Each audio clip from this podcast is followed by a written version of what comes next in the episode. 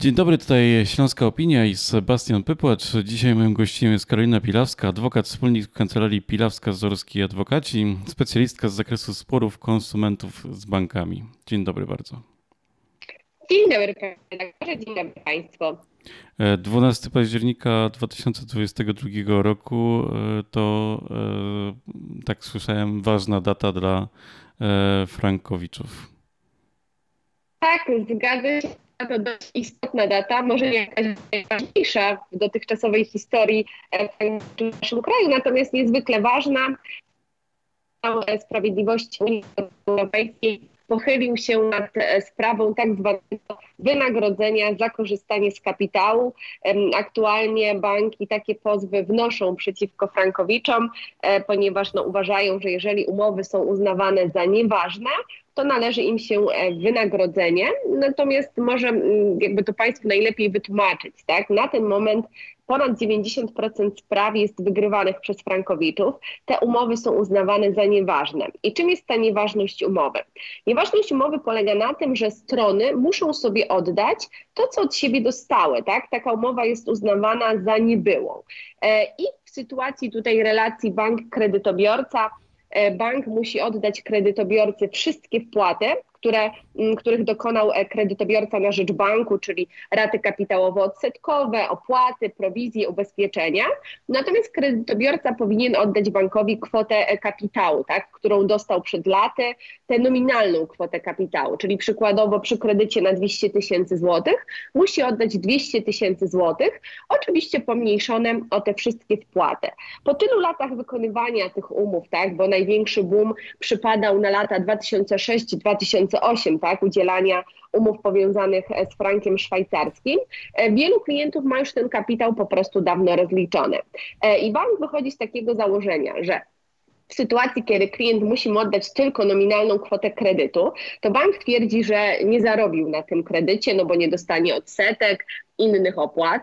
E, ja się z tym nie zgadzam, natomiast no, przy, przy, przy, przyjmijmy takie założenie i bank wówczas dochodzi do wniosku, że musi dostać wynagrodzenie, tak? bo zawodowo e, zajmuje się prowadzeniem działalności gospodarczej, udzielaniem kredytów, więc musi na tym zarobić. I właśnie to wynagrodzenie za korzystanie z kapitału miałoby być dla sektora bankowego właśnie takim zarobkiem wynikającym z udzielenia przez laty, przed laty kredytów hipotecznych powiązanych z frankiem szwajcarskim.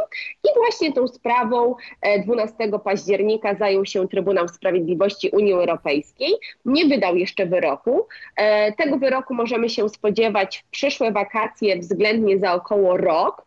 Na ten moment czekamy na dzień 16 e, lutego, tak, ponieważ wtedy, oczywiście 2023 roku, ponieważ wtedy rzecznik generalny Trybunału Sprawiedliwości Unii Europejskiej ma wydać opinię tak, w tej sprawie. I dopiero potem Trybunał zapozna się z tą opinią, strony zapoznają się z tą opinią e, i będzie wyznaczane posiedzenie w celu e, właśnie wydania wyroku w tej sprawie. Mhm. E, wiele w ostatnich latach o CUE mówimy, ale to może wyjaśnijmy jeszcze słuchaczom raz, bo myślę, że warto takie rzeczy tłumaczyć co się stanie w momencie, kiedy CUE podejmie decyzję w tym, w tym temacie i jaki ma to wpływ na e, kolejne sprawy, które będą toczyć się w Polsce? Ja myślę, że w momencie wydania przez CUE wyroku tych spraw już nie powinno być w polskich sądach, z tego względu, że z dużą dozą prawdopodobieństwa możemy założyć, że Trybunał e, odmówi sektorowi bankowemu właśnie możliwości domagania się tak zwanego wynagrodzenia za korzystanie z kapitału. E, w polskim systemie prawnym nie ma takiej instytucji. Wynagrodzeniem za korzystanie z kapitału są na przykład odsetki, czyli jeżeli ktoś opóźnia się w spełnieniu świadczenia, na przykład, nie wiem, no, w zwrocie nam e, pożyczki, no to tutaj są jakieś tam e, dodatkowe odsetki, dodatkowe opłaty, tak, e, kryjące się pod tymi odsetkami. Natomiast stricte takiej instytucji jak wynagrodzenie za korzystanie z kapitału nie ma. Do tej pory Trybunał Sprawiedliwości Unii Europejskiej wydawał bardzo prokonsumenckie decyzje, prokonsumenckie orzeczenia. Musimy też pamiętać, że to prawo konsumenckie w Unii Europejskiej stoi na bardzo wysokim poziomie, jest niezwykle rozwinięte. Mm, też z ciekawostek mogę powiedzieć, że na tej rozprawie gdzieś padło pytanie tak, pod mm, adresem przedstawiciela Komisji Nadzoru Finansowego, e, który bronił z kolei sektora bankowego, czy banki w Polsce nie mogą działać uczciwie i czy nie mogą po prostu osiągać zysku e, na bazie uczciwej działalności, więc nam to już wskazuje tak kierunek, w którym będzie orzekał Trybunał Sprawiedliwości Unii Europejskiej. Natomiast ja też uważam, że do momentu tego wyroku polscy sędziowie nie będą orzekać w tych sprawach.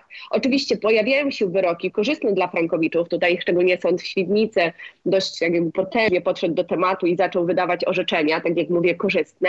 Natomiast wydaje się, mając też doświadczenie z innymi wyrokami TSUE, na które czekaliśmy, czyli przykładowo, nie wiem, sprawie państwa Dziubak w 2019 roku, e, no to tutaj polscy sędziowie będą czekać na ten wyrok TSUE i do tego momentu mm, większość tych spraw e, w mojej opinii będzie po prostu zawieszonych. Natomiast jak TSUE wyda ten wyrok, te sprawy zostaną podjęte, tak, i będą e, się toczyły, będą wydawane wyroki.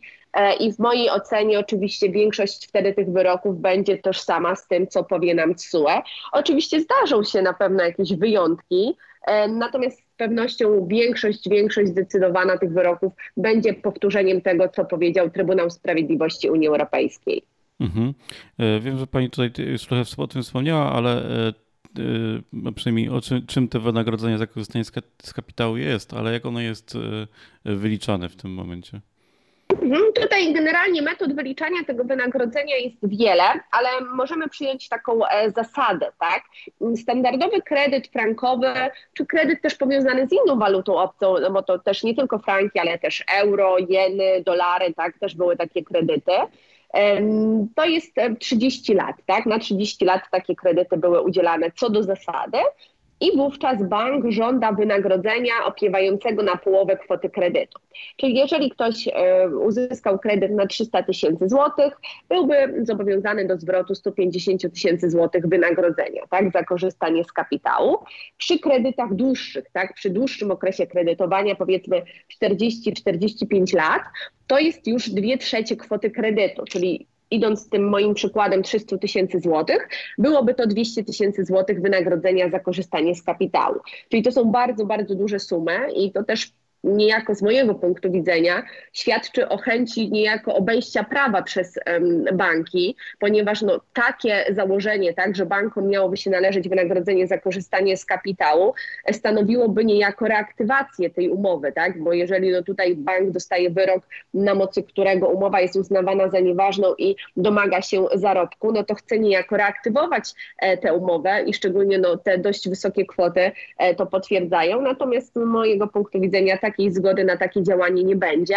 Musimy też pamiętać, że to orzecznictwo unijne, że dyrektywa 93 na 13, czyli ta dyrektywa e, konsumencka, jasno wskazują, że przedsiębiorca za swoje nieuczciwe działanie względem konsumentów musi ponieść e, powiedzmy karę, tak? E, to jest ten efekt mrożący, efekt odstraszający.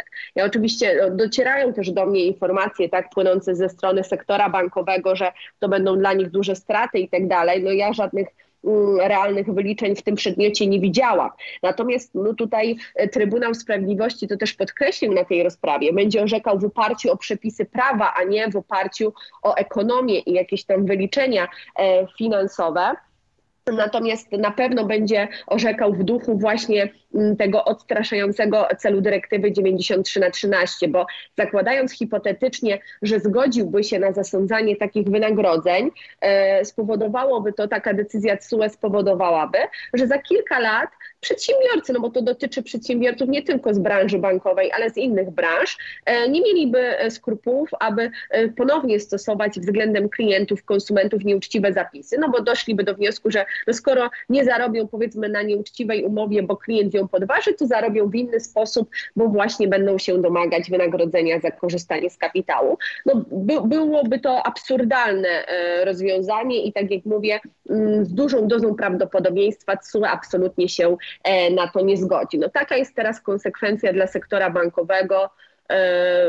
Proponowania przed laty tych nieuczciwych umów kredytowych, tak? tych umów zawierających te tak zwane klauzule niedozwolone, które pozwalały bankom jedno, według swojego uznania przeliczać po prostu kurs franka szwajcarskiego według tylko sobie znanego wzoru i tutaj no, klienci byli jak najbardziej pozbawieni tej informacji. Oni nie wiedzieli, jak to się po prostu będzie odbywać. Mhm. Czy jesteśmy w stanie określić, ile takich osób i takich spraw w Polsce się toczy? Ja takich statystyk nie prowadzę, natomiast na pewno bardzo dużo tych spraw do polskich sądów, szczególnie do Wydziału Frankowego w Sądzie Okręgowym w Warszawie wpłynęło e, w listopadzie, grudniu 2021 roku. E, i tych spraw myślę, że około kilku tysięcy mogło wpłynąć. Natomiast no, orzeczenia nie są wydawane. Sędziowie, tak jak mówię, czekają albo na rozstrzygnięcie sprawy z powództwa klienta, albo właśnie na ten moment na wyrok Trybunału Sprawiedliwości e, Unii Europejskiej. Natomiast no, ta skala, e, przynajmniej według mojej wiedzy, jest spadkowa, tak? No bo tutaj też sektor bankowy wydaje się, przekonał się, że no nie do końca jest to chyba właściwa droga, a też no, musimy pamiętać, że banki płacą bardzo wysokie opłaty sądowe, bo oni płacą 5% tego, czego się e, domagają, także e, te opłaty sądowe e, są dość wysokie, szczególnie jak porównamy sobie to mm, z opłatami, które płaci konsument, tak? bo konsument za opłatę sądową w swojej sprawie przeciwko bankowi płaci 1000 zł. Tak? Natomiast ja też chciałabym dodać, że mm, przynajmniej to jest oczywiście moja prywatna opinia, celem tych pozwów nie było uzyskanie przez banki takiego realnego wynagrodzenia, za korzystanie z kapitału, e, tylko raczej celem było odstraszenie innych kredytobiorców przed pójściem po prostu e, do sądu. Ja to też widzę po swoich klientach, tak, z którymi spotykam się na co dzień. Tak, zawsze takie pytanie pada. Pani mecenas, co się wydarzy, jeżeli ja pozwę bank i za chwilę ja dostanę kontrpozew, tak? Czy my będziemy mogli się bronić, jak to będzie wyglądać? Także no tutaj ta akcja mm, w zakresie tego odstraszającego e, no, przyniosła tak skutek, tak, bo klienci zaczęli się po prostu nad tym zastanawiać. E, natomiast no myślę, że mm, im więcej czasu upływa tak, od tej informacji, że banki takie pozwy składają, tym ludzie po prostu, tak, klienci mają mniej obaw, no bo widzą, jak to też wygląda, tak, na tej rozprawie e, przed Polska, tak, czy Rzecznik Praw Obywatelskich, czy Rzecznik Finansowy e, jak najbardziej poparły stanowisko kredytobiorczy, tak, bo też musimy pamiętać, i to taka ciekawostka, ta sprawa, która zawisła na wokandzie TSUE, e, nie była sprawą z powództwa banku, tylko właśnie sprawą z powództwa kredytobiorcy przeciwko bankowi, o wynagrodzenie za korzystanie z kapitału. E, ponieważ no jeżeli byśmy zakładali, że bankom takie wynagrodzenie się należy, to kredytobiorcom również, z tego względu, że przecież banki przez te wszystkie lata również korzystały z kapitału klientów, tak? Przecież klienci co miesiąc wpłacali raty i niejednokrotnie są to kwoty wyższe, tak, jak sumujemy te wszystkie wpłaty, niż kwota kredytu udostępniona przez bank przed latem. Także tutaj to pytanie zostało, to pytanie prejudycjalne zostało zadane właśnie w sprawie z powództwa klienta, tak? E, I TSUE też się tym będzie zajmował nie tylko tym, czy bankom się należy wynagrodzenie za korzystanie z kapitału, ale czy należy się również kredytobiorcom. I tutaj jestem bardzo, bardzo ciekawa tego rozstrzygnięcia. No, może się okazać dość zaskakujące. E, dziękuję bardzo. Karolina Pilawska była naszym gościnią. Dziękuję Państwu, dziękuję Panie redaktorze.